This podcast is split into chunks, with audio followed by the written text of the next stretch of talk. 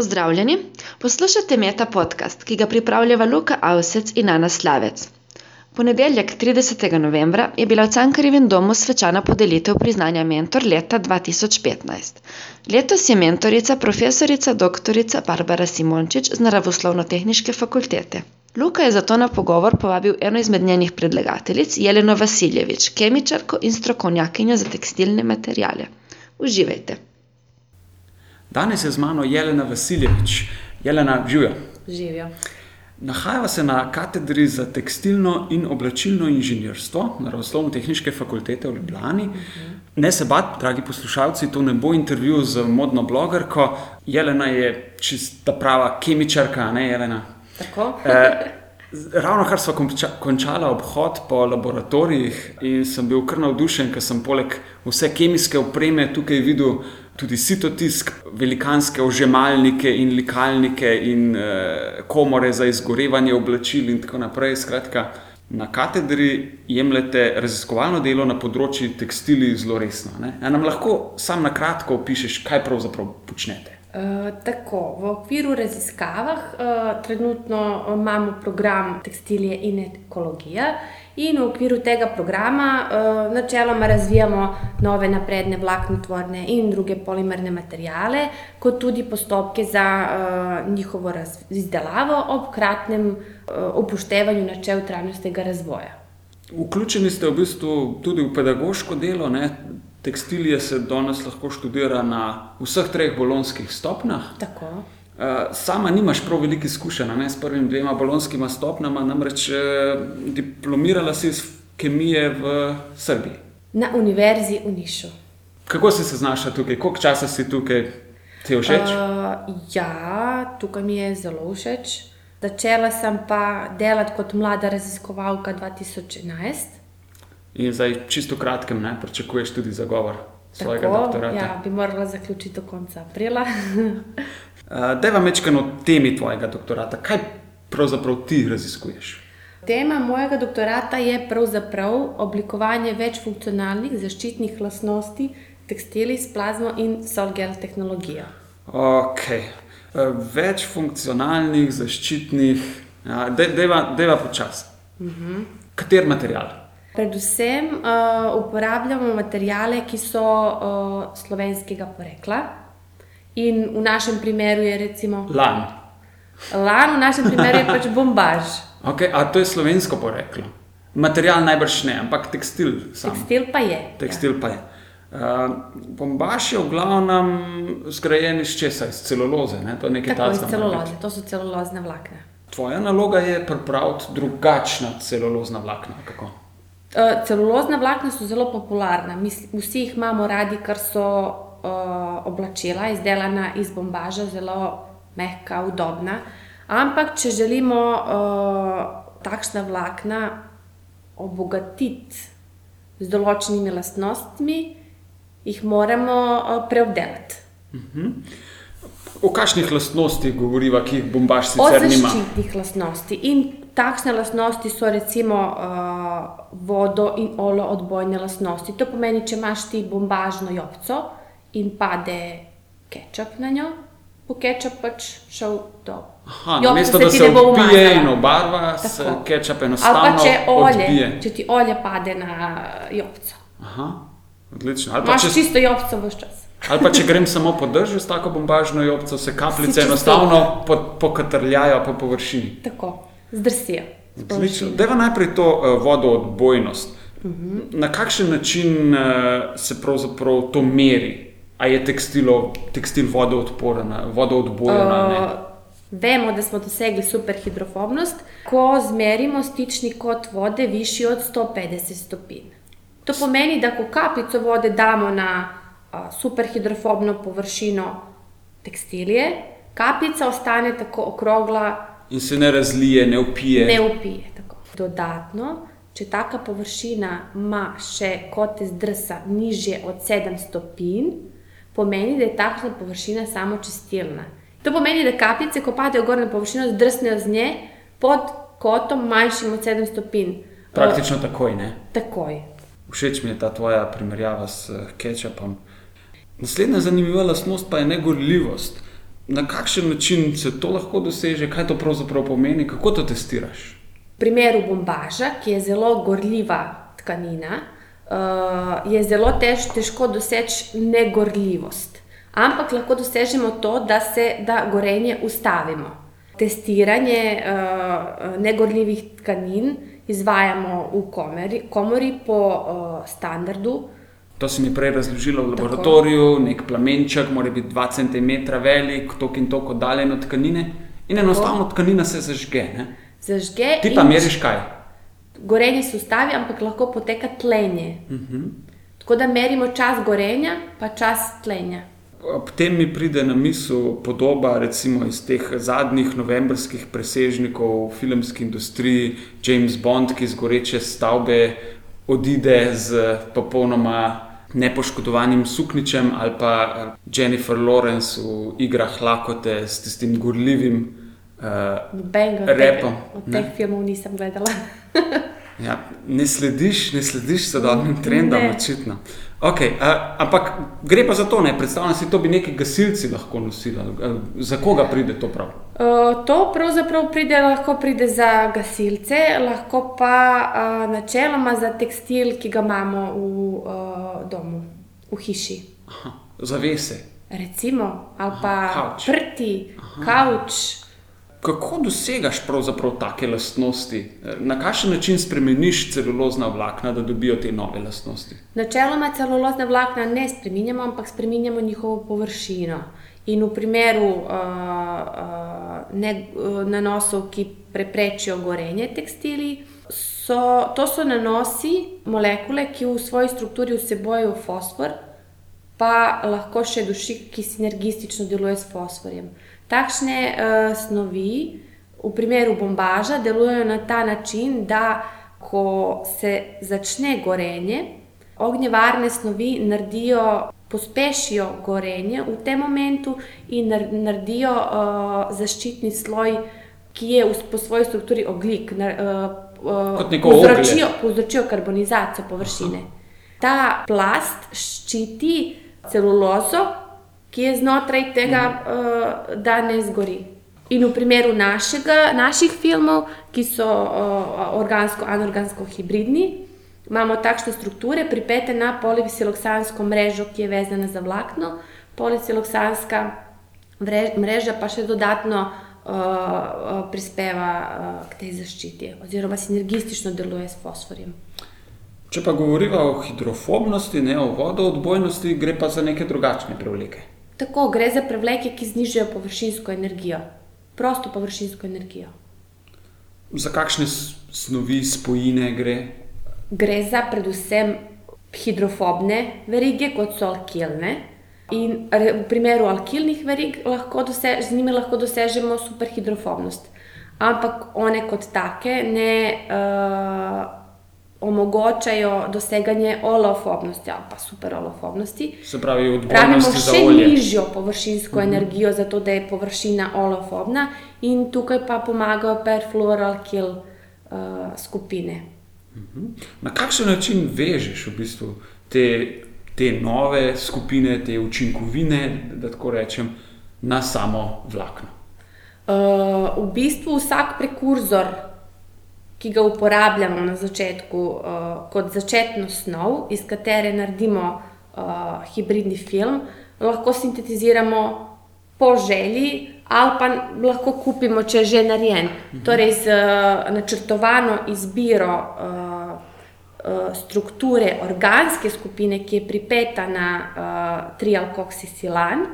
Uh, lahko uh, oblikujemo različne funkcionalne površinske lastnosti. Uh, takšen film kot hibridni se veže za vlakno, oplašči vlakno, medtem ko pa organske funkcionalne uh, uh, skupine se usmerijo stran od vlakna. Aha, se pravi, tako zgleda približno. V, v, v jedru je samo celulozno vlakno, okoli njega naredite iz tega oksisilana, kako že? Hidroliziran alkoksisilan. No, to hidroliziran alkoksisilan naredite film Tako. in iz tega filma visijo dol določene skupine. Ne visijo, ampak štrlijo na vzvan. Tako, ja. In te pač dajo te dodatne lastnosti, Lastnosti. bodi si ognjevarnost, odbojnost za vodo, Tako. olje in tako naprej. Recimo v primeru protimikrobnih lastnosti je to kvaternerna amonijeva skupina. Se pravi, govoriva o antibakterijskem ali pa celo baktericidnem učinku. Ne? Tako. Na kakšen način se to preverja? Uh, to se preverja s, s testi, s protimikrobnimi testi. Na agarski- Aga, to poteka tako, da se na agarski plošči da vzorec uh, Tekstila. tekstilije, zraven se še obdelujejo, uh, dajo vzorci neobdelane tekstilije za primerjavo, se dajo gor razvite uh, kolonije in se vse to pusti po standardu za nekaj časa pri določenih pogojih. Uh, se pač da čas uh, tem kolonijam, da se, Da se razvijajo. razrastejo in se potem gledajo. Ali so se razvile gor ali ne.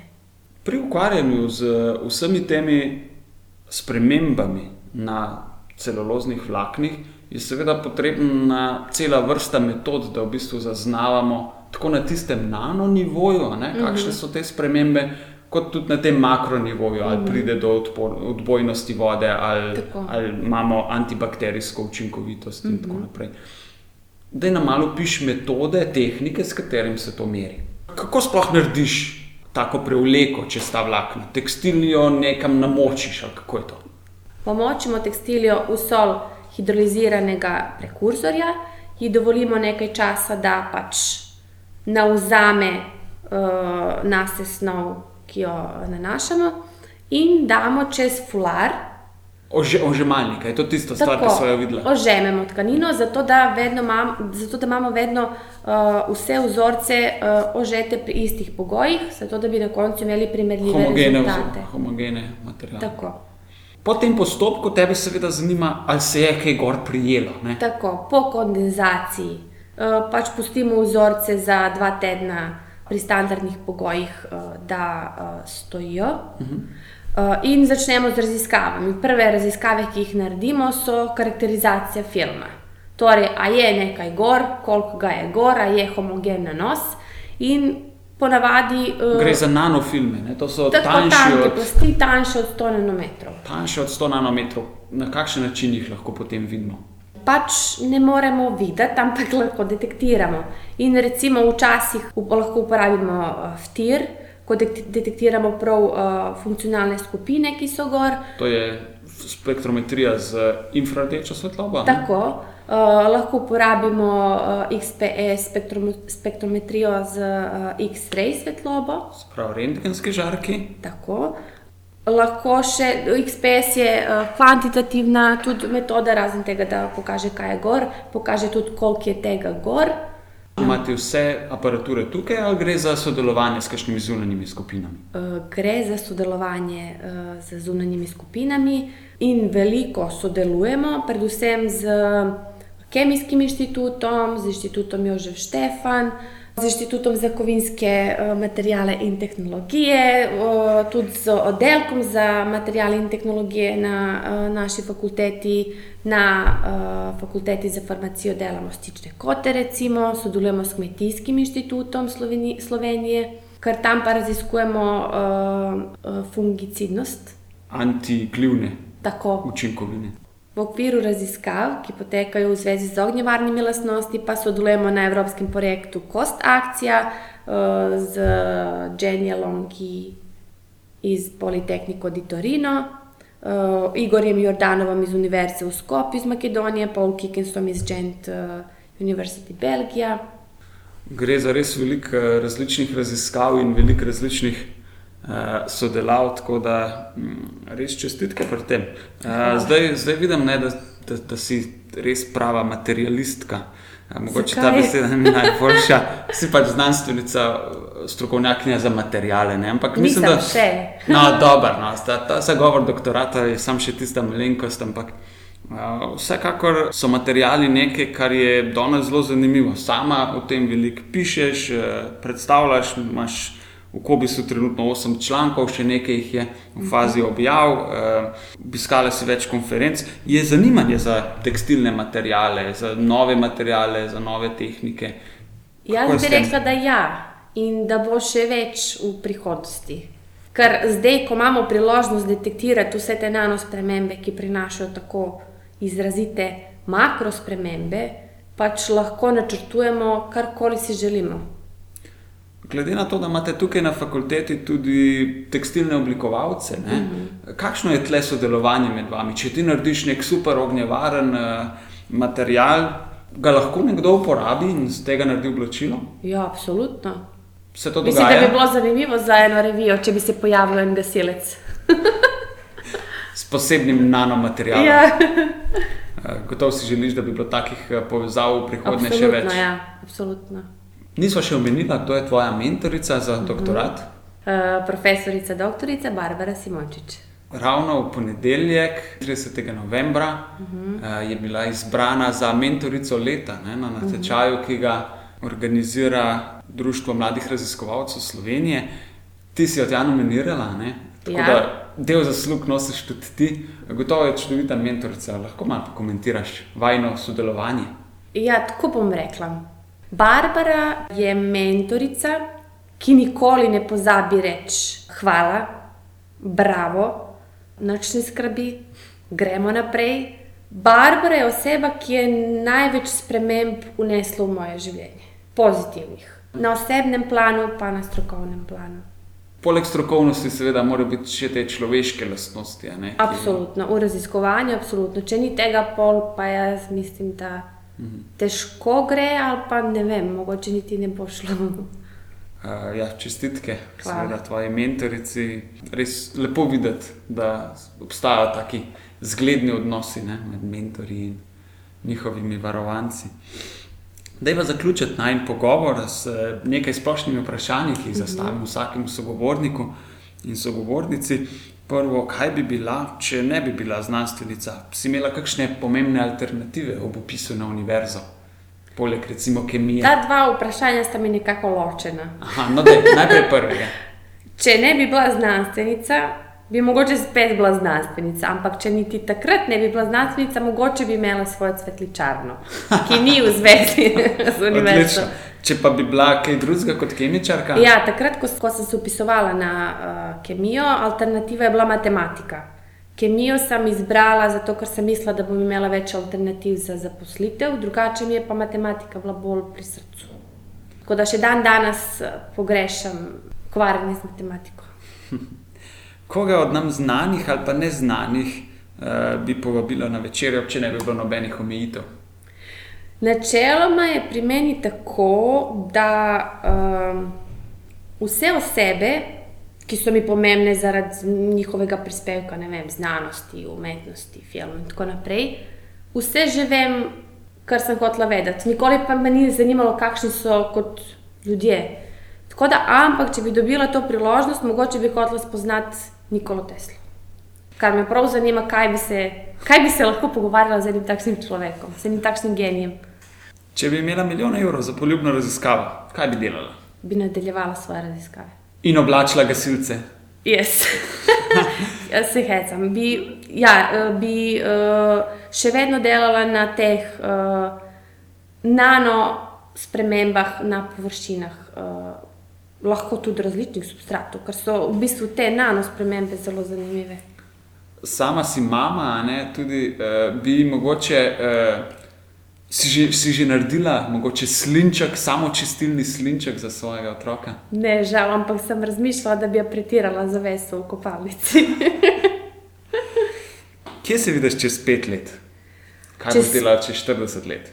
Čez pet let se vidim, načrtujem svoje delo v, še vedno v raziskavah, čez 40, Mogoče tukaj v tujini, doma, pa niti se, jaz se niti ne vežem toliko za prostor. mesto na planeti. Mi lahko bi ostala tukaj, ker mi je Ljubljana čist pri srcu zdaj. Uh, Tudi strokovno ti ustreza. vse. Jaz sem se čist našla tukaj. Super. Čez 40 let?